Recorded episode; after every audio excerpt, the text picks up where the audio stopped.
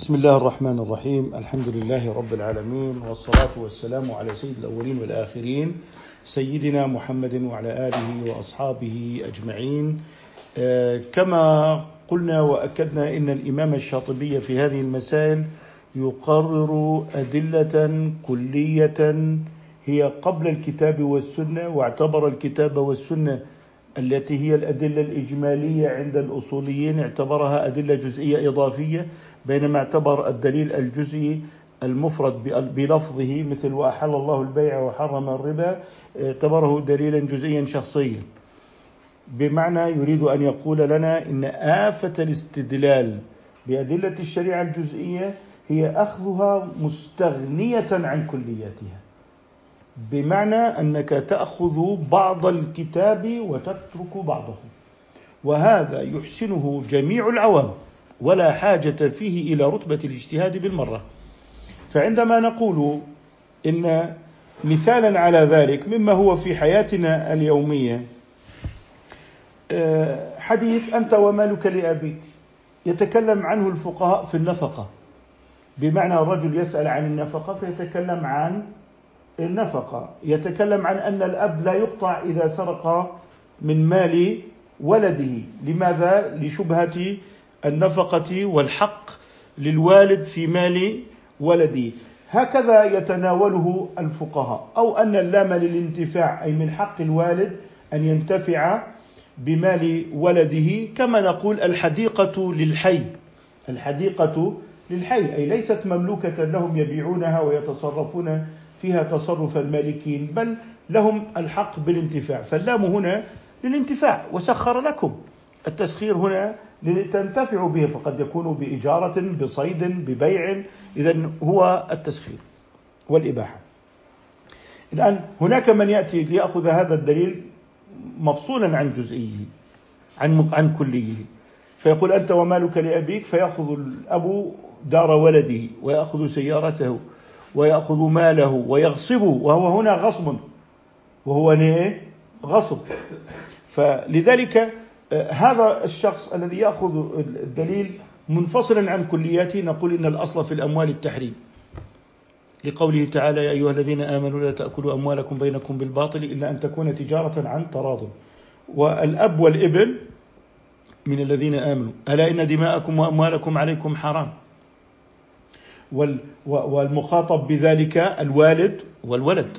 اذا هذه الحالة من التفكير الجزئي هي التي ستهدم الشريعة، لماذا؟ لأنها توهمك بأنه دين لكنه ليس دينا. هي حالة الوهم الوقوع في وهم الكتاب والسنة لكن بالأدلة الجزئية مع التفكير الجزئي مع هدم الكليات.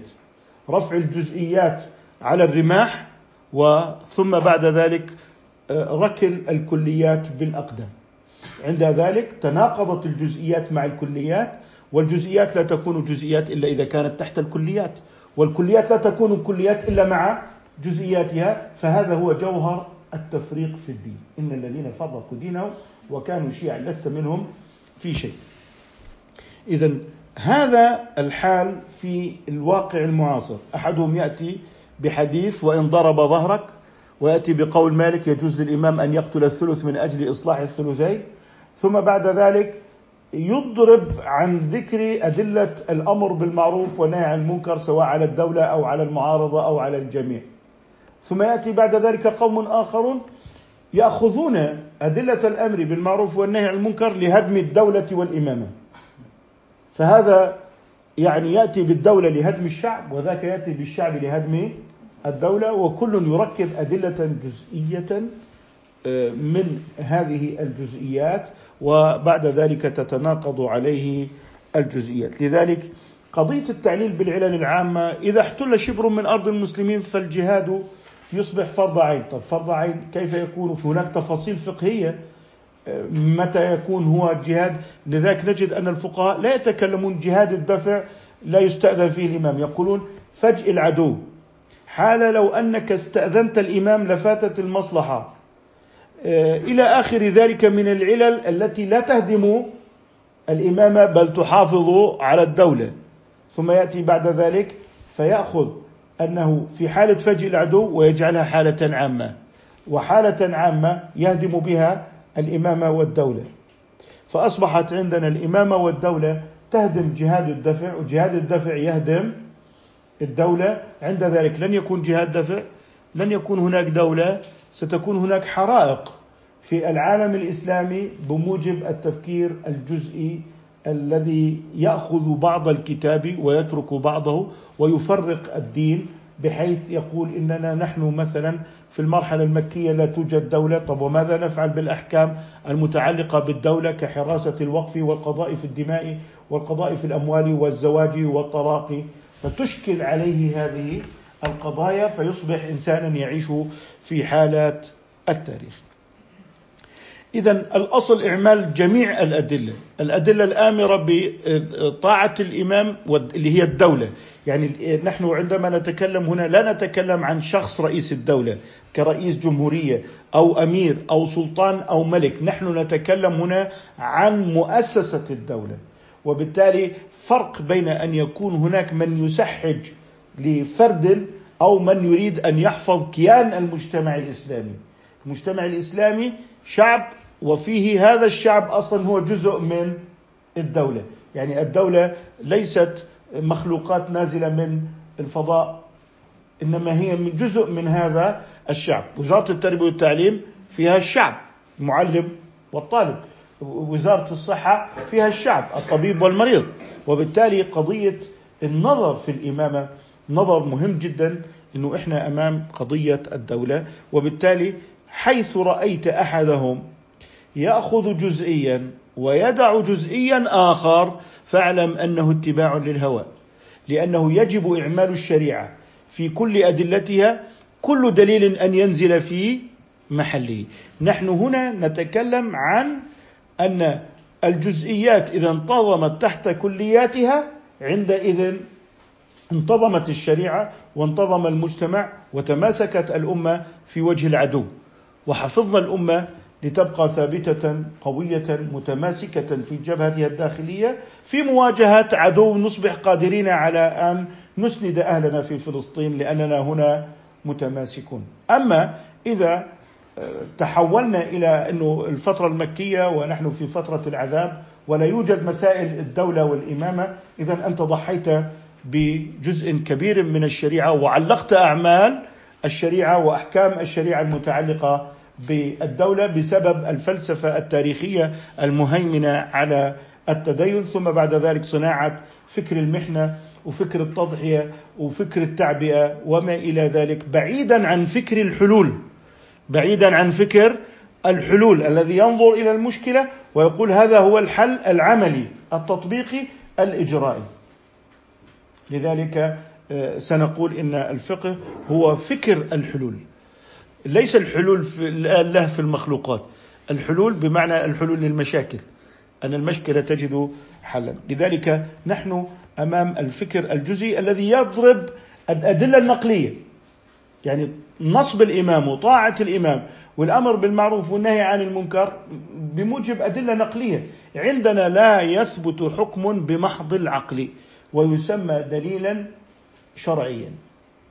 حتى العقل الذي ذكرناه الذي الذي هو في القرآن إنما هو من حيث إحالة القرآن عليه صار دليلا ولم يكن دليلا بنفسه على النحو الذي سلكه المعتزلة. إذا لاحظوا كيفية الاستدلال أننا لا نرتب جزاء في الآخرة على محض العقول لكن القرآن فيه الدليل محض العقول وإنما صار شرعيا من حيث إحالة القرآن عليه. واضح الكلام؟ اذا نحن هنا نتكلم عن الدليل النقلي الذي يؤخذ مسلما. الذي صار مقبولا لماذا؟ لأن النبي معصوم. لما؟ ما الدليل على العصمة؟ المعجزة. المعجزة دليل ضروري. بمعنى من رأى العصا تتحول إلى أفعى فهذا دليل ضروري. لا تملك النفس أن تشك فيه ما معنى ضروري؟ أي التزامي على نحو لا تجد له النفس مدفعا في إنكاره. ضروري. يعني يقول لك واحد زائد واحد يساوي اثنين بديهي ضروري. لا يحتاج إلى تأمل. لا يحتاج إلى تأمل. شق البحر إحياء الميت لا يحتاج إلى تأمل. إذا هو صار دليلا عقليا بدهيا على صدق عيسى عليه السلام. تواتر النقل بمعجزة القرآن لغير العرب دليل أيضا هذا التواتر دليل على غير العرب وعلى العرب الذين لا يعرفون لغتهم. إذا تكلم عن الدليل الثاني قال والدليل الثاني أو الثاني هو إيه؟ الدليل النقلي. مبني على الموافقة في النحلة. بمعنى من أقر بأصول أهل السنة والجماعة في النظر في الأدلة القرآنية والأدلة في السنة النبوية فإنه دليل عليه هذه الأصول. بمعنى سأجد أن المعتزلة يعتبرون الأمر بالمعروف والنهي عن المنكر من أصول الدين والتحسين والتقبيح والعدل الذي هو القدر. عندهم القول بالقدر أن الإنسان يخلق أفعال نفسه. إذا هذه نزاعات أصولية. سيطبق المعتزلي أصوله على النص الجزئي وبالتالي سيعطيني نتيجة معاكسة. واضح؟ الفيلسوف كذلك إذا نظر في القرآن وطبق على القرآن الفلسفة سيعطيني نتيجات الفلسفة. لماذا؟ لأن الأدلة القرآنية إذا أخذت الأدلة النقلية إذا أخذت جزئية استحل بها الحرام. كما ذكرت في المثال أنني أستطيع أن أقول لك يجوز للإمام أن يقتل ثلث الشعب. استحلت الدماء المحرمة. إذا إذا يمكن للطوائف أن توظف الأدلة الجزئية لخدمة فكرية. طيب من ما أدلة الخوارج والمعتزلة على تكفير أصحاب الكبائر؟ نصوص الوعيد. ما أدلة المرجئة على إخراج الإيمان من العمل؟ مطلق نصوص الوعد. أليس جميع أليسوا جميعا يستدلون بالكتاب والسنة؟ جميعهم يستدلوا بالكتاب والسنة. لكنهم أخذوه جزئيا. لكنهم أخذوه جزئيا مستغنيا عن كليه فصار ترجيحا بلا مرجح والترجيح بلا مرجح من التناقض. الترجيح بلا مرجح من التناقض لأنك تعده راجحا وليس راجحا. فجمعت بين النفي وبين الإثبات. طيب. هنا سؤال من الشيخ أيمن. قل ألا إن دماءكم وأموالكم وأعراضكم عليكم حرام؟ وكذلك في قوله تعالى في نهي أكل الأموال بالباطل. سؤال الشيخ معاذ. نعم. قال فهذه من الكليات. فكيف لا يصح عند المالكية تبرع الزوجة بأكثر من ثلث مالها وهي مستقلة بمالها؟ فهذا سؤال يوجه للمالكية خصوصا. تمام؟ عندي دليل جزئي. قال صلى الله عليه وسلم تنكح المرأة لمالها. منها تنكح ليه؟ لمالها. إذا أقر الشارع الرجل أن يتزوج المرأة لمالها لما له فيه من حظ. صحيح؟ إذا الرسول صلى الله عليه وسلم قال لمالها. إذا هذا دليل جزئي. فقال لو أنها تبرعت بكل مالها إذا فات قصده الذي أقره الشارع. إذا أعملنا الجزئي طيب لو أرادت المرأة أن تبيع وتشتري أعملنا الأدلة الأخرى إلى أن تكون تجارة عن تراض منكم. فأنت تسوق هذه الأدلة ولكنك تنزلها على محلها. الآن تبرع المرأة بثلث مالها فأكثر. أو تبرع المرأة بأكثر من الثلث دون إذن الزوج فيه مانع مغمور وهو حق الإنسان بالتصرف في ماله إلا أن تكون تجارة عن تراض منكم ألا إن دماءكم وأموالكم عليكم حرام هذا اسم مانع مغمور. طب ما هو المعارض الراجح؟ تنكح المرأة لأربعة. تنكح المرأة لأربع إذا اختلفا في محل الحكم وهو تبرع المرأة بأكثر من الثلث. فبقيت الأصول صحيحة ولكنها تنازعت. هل تضع هذا التبرع للمرأة بأكثر من ثلث المال هل تضعه تحت حق التصرف وسلطان الإنسان على ماله؟ ألا إن دماءكم وأموالكم عليكم حرام؟ تمام؟ فلا يجوز للزوج أم تضعه تحت تنكح المرأة لأربع وهو دليل أخص؟ يقدم الأخص على الأعم. يقدم الأخص على الأعم فصار كما أن للزوج حق الانتفاع بمال زوجته كما لو اشترت أثاثا في بيتها. فإن للزوج حق الانتفاع. تمام؟ فلذلك هنا نحن نقرر أنك عندما تأتي إلى جزئية فإنما على تحت أي كلية تضعها. لم يصادم لأنه تحت كلي آخر. صحيح؟ ما هو أم الباب قد يخرج عنها بعض المسائل. وتصبح تحت باب آخر. يعني عندما نقول قطع اليد أليس فيه إتلاف لبعض النفس؟ صحيح؟ لكننا نقول إن حكم قطع اليد تحت كل حفظ المال أم تحت كل حفظ النفس؟ تحت كل حفظ المال. هل تنازع حفظ النفس؟ لا لأن حفظ النفس لم يزل فهو, فهو باق والخطاب به باق ولم يكن هو في نفسه مرجوحا. إنما صار الترجيح هل قطع اليد تحت حفظ النفس أم تحت حفظ المال؟ فجعلناه جزئيا تحت حفظ المال. إذا هل صار الأصل جميعا مرجوح؟ لا. أنت ترتب جزئيات الشريعة تحت كلياتها. وهذا هو الاستحسان عند مالك. هذا هو استحسان مالك. إنك أنت عندك أدلة وعندك أصول وعندك قواعد كلية.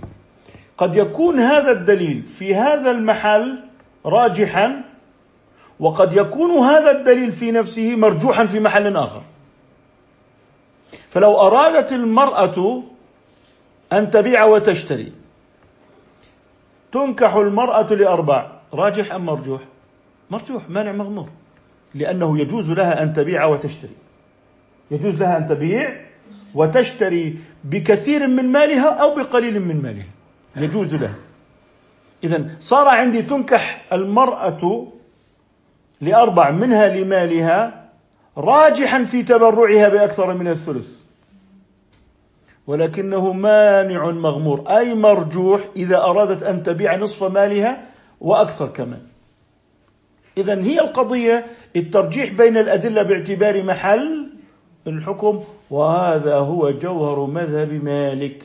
هذا هو الاستحسان عند مالك. هذا هو الاستحسان. إعمال الدليلين باعتبار محل الحكم. إذا اعتبار هذا الدليل راجحا في هذا المحل مرجوحا في محل آخر. هل هو ترجيح باعتبار دلالة الدليلين من حيث هما أم من حيث ما يتناولانه من محل الحكم؟ من حيث ما يتناولانه من محل الحكم. هذا هو جوهر مذهب مالك. واضح؟ يعني صلاة المغرب تعجل. والوقت لها بقدر الطهارة وستر العورة والدخول ولا يوجد وقت ممتد إلى العشاء. طيب فإذا جمعنا قال استحب التأخير قليلا. على أي أساس؟ على مراعاة الأدلة التي فيها أن وقت المغرب ممتد إلى إلى الشفق الأحمر. إذا انظروا كيف نظر إلى تعجيل المغرب تارة في غير الجمع قال بأنه يجب التعجيل ولا يجوز التأخير إلا بقدر ستر العورة والطهارة. ولما قال يستحب التأخير ما معنى ذلك؟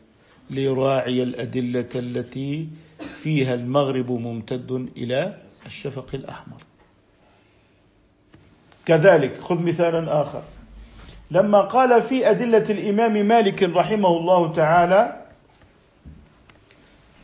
قال إنه إذا فارق الأرض بيديه وركبتيه فإنه يستحب له أن يقوم ولا ويكره له العود للجلوس. لكنه لو رجع صحت الصلاة. صحت الصلاة. لكنه لو قام وانتهى من الفاتحة ثم رجع للسجود بطلت الصلاة. لماذا؟ ما الفرق ما بين الفاتحة ما بعد الفاتحة وما بين أنه قبل الفاتحة إن رجع فإنه لا تبطل؟ المذهب أن الفاتحة في القول غير المشهور واجبة في جل الصلاة والمشهور في كل الصلاة أي في كل ركعة. طيب.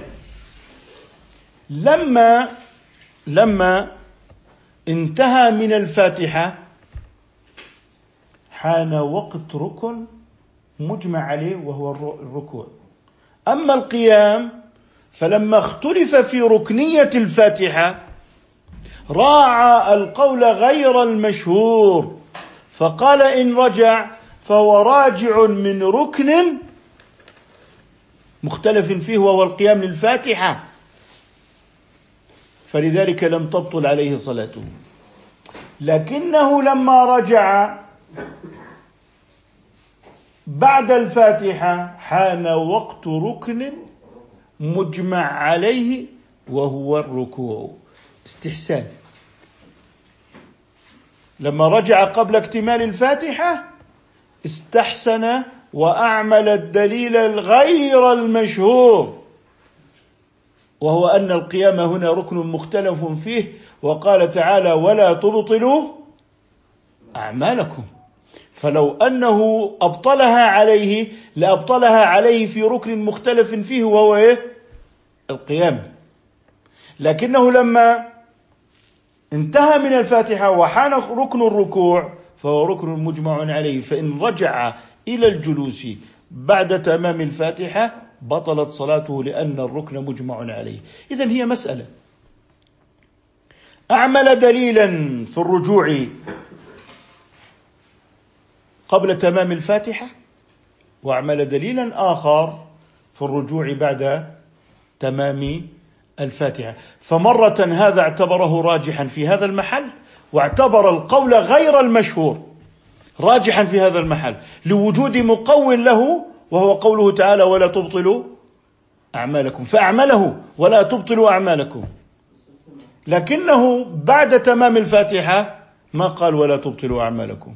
صلوا كما رأيتموني أصلي فإن فرقت صلاته بطلت صلاتك إذا هذا هو التعامل مع الدليل النقلي كما يبينه الإمام الشاطبي فيقول رحمه الله تعالى والثاني النقلي مبني على الموافقة في النحلة أهل السنة والجماعة وذلك الأدلة الدالة على الأحكام التكليفية كدلالة الأوامر والنواهي على الطلب من المكلف. هناك لو أن أحدهم قال أنا أتوقف في قال قوم الأمر للوجوب وقال قوم الأمر للندب فقال واحد أنا أتوقف. لا للوجوب ولا للأمر.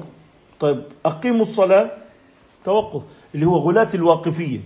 غلاة الواقفية. يتوقفون ويرتبون الأحكام على التوقيف فيسقطون الأوامر.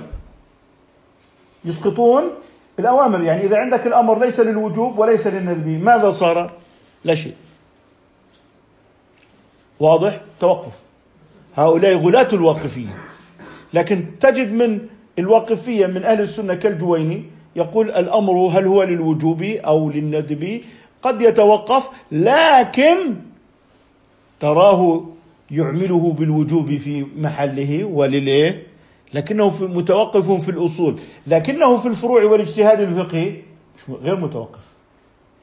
غير متوقف لأن التوقف في الأصول من حيث هو مبحث أصولي لكن في المبحث في الاجتهاد الفقهي ستجد أدلة أخرى ترجح جانب الوجود جانب الوجوب جانب الكراهة جانب التهديد جانب الوعيد وهكذا.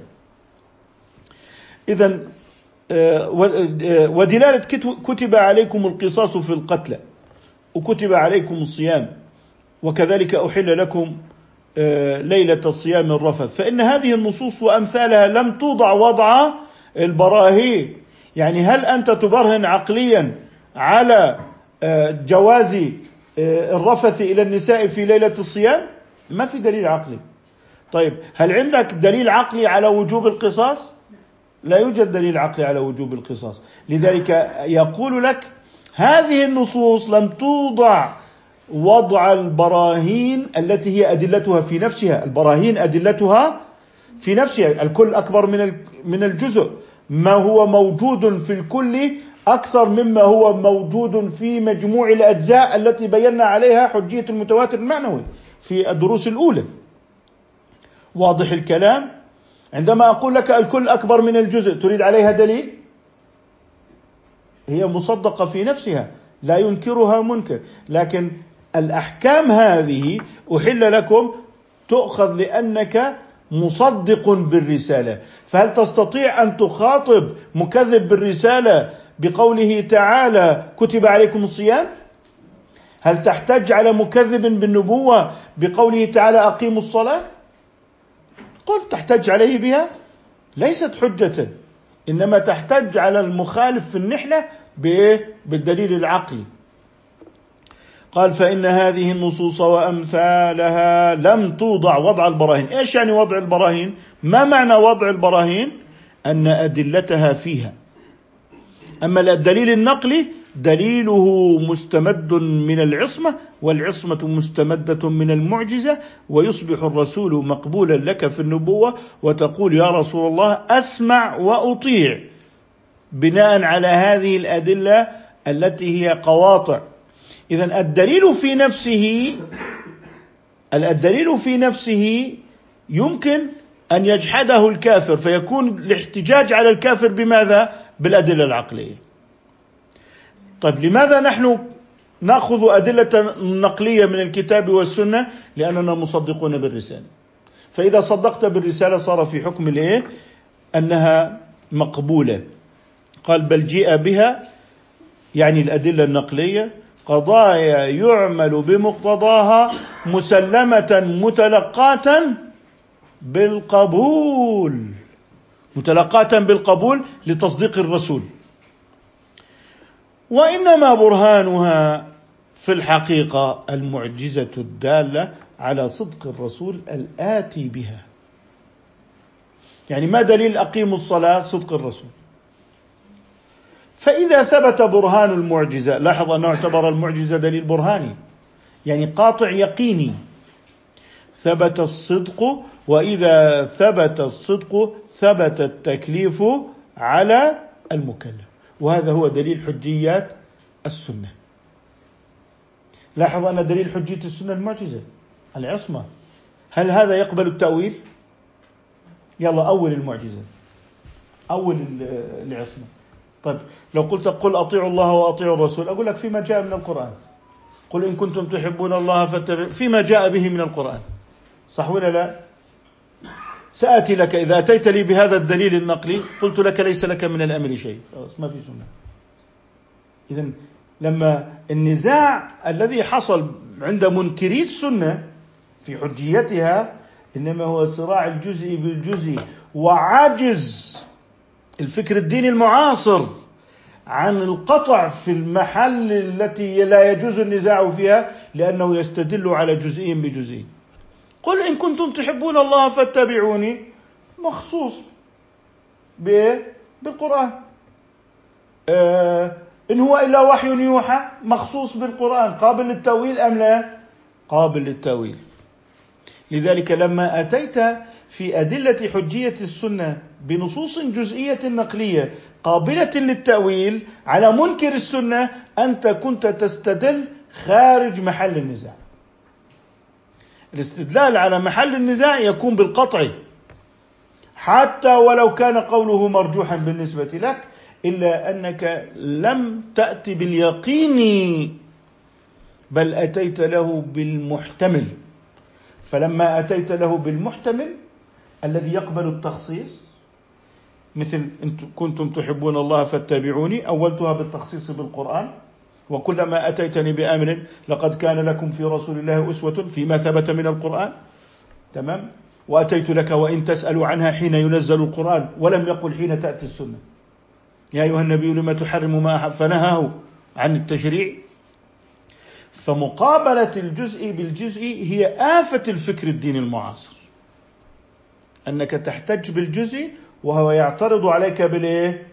بالجزء وبالتالي إذا خرجت إلى هذا المنهج الذي ذكره الإمام الشاطبي قال لك إن حجية الكتاب في الأدلة النقلية أو السنة في أدلتها النقلية اللي هي الأدلة الشرعية النقلية إنما برهانها المعجزة برهان إيه؟ المعجزة التي يلزم منها عصمة الرسول وعصمة النبي توجب اقتفاء كما قال في المراقي وقد رآه بعد من تصوف وعصمة النبي توجب اقتفاء. ما دليل الاقتفاء في وجوبه؟ العصمة. هل العصمة قابلة للتخصيص؟ للتقييد؟ للنسخ؟ إذا أتيت بالمحكم. إذا كل ما جاء من هذه الأدلة النقلية وأنت تراه ظنيا كان رده إلى قطعي وهو العصمة. ولكنك لما رددت إلى الجزء في الجزء أهلكت السنة وأهلكت أهلها. وظهر ضعف حجج السنة. ومن ثم نرى هنا قوة الحجية على السنة النبوية الشريفة. ثم قال فالعالم إذا استدل بالضرب الأول اللي هو الدليل العقلي اللي هو البرهاني. أخذ الدليل إنشائيا كأنه هو واضع الدليل. يعني لما تقول الكل أو الكل أكبر من الجزء. كأن تقول جميع الإنسان أكبر من رأس الإنسان. فأنت كأنك أنت وضعت الدليل لأن دليله في نفسه قال ويؤخذ إنشائيا أي أنه يقع مدلوله به. واضح الكلام؟ وإذا استدل بالضرب الثاني اللي هو الدليل النقلي. على الموافق في النحلة أخذ معناه مسلما مقتضاه إلزاما والتزاما. إلزام أنك أنت ألزمتك المعجزة. التزام لأنك أيقنت بالمعجزة التزمت. فصار عندي التزام فعل مطاوع لإلزام. كسرته فانكسر. كسر هو الفعل المتعدي والمطاوع هو إيه؟ انكسر. الفعل المطاوع ما هو؟ ظهور فعل لازم عن أثر فعل متعدي. كسرته فانكسر. تمام؟ قطعته فانقطع. علمته فتعلم. اذا ما هو الفعل المطاوع؟ هو حدوث فعل أثر فعل متعدي نتج عنه فعل لازم كما بينته. قال فإذا أطلق لفظ الدليل على الضربين اللي هو الدليل العقلي والنقلي فهو أطلق بنوع اشتراك. إذا الدليل من حيث لفظه في إطلاقه على الدليل العقلي والنقلي مع اختلافهما في هذا المعنى اعتبره مشتركا لفظيا. لأن الدليل بالمعنى الأول اللي هو الدليل العقلي الذي دليله فيه ويؤخذ إنشائيا خلافه بالمعنى الثاني هو اختلاف في المعنى. إذا هناك تباين علاقة إيه؟ التباين بين الدليل العقلي والدليل النقلي لكنهما جميعا تحت العنوان الكبير الدليل الشرعي. وصحة التقسيم أن العلاقة بين الأقسام أن تكون التباين. والعلاقة بين الأقسام والمقسم العموم والخصوص المطلق. العموم والخصوص المطلق. فهو بالمعنى الأول جار على الاصطلاح المشهور عند العلماء. يعني الدليل على معنى البرهان هو المعنى المشتهر بين العلماء أن مدلوله لزومي. مدلوله لزومي. فالدليل إذا قلت فيه بالإطلاق فهو يلزم منه مدلوله قطعا وهو برهاني. وهو إيه؟ برهاني. وبالمعنى الثاني نتيجة أنتجتها المعجزة فصارت قولا مقبولا فقط. إيه يعني الأقوال المقبولة؟ قولا مقبولا فقط. المقبولات هي أمور نحن نعتقدها لصدق المخبر بها. يعني أنا أسأل الإمام مالك لأنني أثق بقوله واجتهاده. أسأل الإمام أبا حنيفة لأنني أثق به. لأنني مسلم له. نظرا لما له من إمامة وشهادة مقبولة في الناس. ولذلك تجد أن النقلية يؤخذ بصدق المخبر والعقلية يؤخذ من ذات الدليل ودليله فيه وبرهانه فيه. إذا صنف الحديث من حيث هو قول عمر قول المجتهد قول النبي مقبول لأجل صدق الرسول لأجل صدق عمر ودقة اجتهاده. فليس مقبولا من حيث إنه دليل برهاني قاطع يقيني. اذا آه، إذا كان كما قال هنا وبالمعنى الثاني نتيجة أنتجتها المعجزة فصارت قولا مقبولا فقط. طب المقبولات ممكن أنا لو ذهبت إلى المنطق المقبولات ظنيات. لكن مردها إلى قطع أم لا؟ إذا في الشرع لما صار مردها إلى قطع لم يضر أنها ظنيات. كما عرفنا الفقه هو العلم بالأحكام الشرعية مع أن الفقه من باب الظنون. لكن من حيث وجب العمل به فلم يعد فرق بين العلم اليقيني والظني لأن الظن يجب العمل به. هذا باتفاق. وخبر الواحد يجب العمل به وإن كان في رتبته من حيث الثبوت ظنيا. فيجب العمل بخبر الواحد اتفاقا. وعمل به أهل السنة. وشرحوا جميع أحاديث العقيدة المتعلقة بالصفات الإلهية الثابتة بالكتاب والسنة بناء على ماذا؟ أنه يجب العمل حتى ولو كانت ظنية وأنها مندرجة تحت أصول قطعية يقينية فلم يضر الفقه أن يكون ظنيا مقبولا في نفسه كما هو في اجتهادات المذاهب الأربعة. لكنها من حيث مردها إلى أئمة الاجتهاد والشريعة أحالت على أئمة الاجتهاد فاسألوا أهل الذكر. وهذا أمر واضح في الشريعة مأمور به والشريعة راجعة إلى العصمة والمعجزة فثبت وجوب العمل بالمذاهب المتبوعة من حيث مردها إلى كلياتها الأصلية وإن كانت هي في نفسها ظنية وإن كان البخاري يمكن أن آه، يخطئ أو أن أبا حنيفة يمكن أن يخطئ لكننا إذا نظرنا إلى هذه المقبولات فإنها راجعة إلى يقينيات قطعية فاشتدت بتلك اليقينيات والتزمت بتلك اليقينيات فصارت الشريعة بيانا على بيان ونورا على نور وبرهان وظهرت المحجه البيضاء بالرد إلى القطعيات المحكمات وسبب الشك اليوم هو أخذ الجزئيات والاستغناء عن الكليات. والله الإمام البخاري ليس معصوما مالك ليس معصوما هذا عزل لجزئيات الشريعة عن كلياتها ومن ثم سالت الشريعة وتبخرت وضاعت على أيدي أهلها من المحبين للكتاب والسنة بالطريقة الجزئية وأصبحت حالة نمطية فكرية عامة في عزل الجزئيات عن الكليات فحدث الاضطراب وحدث الشقاق حتى في الشهادتين والكفر والإيمان.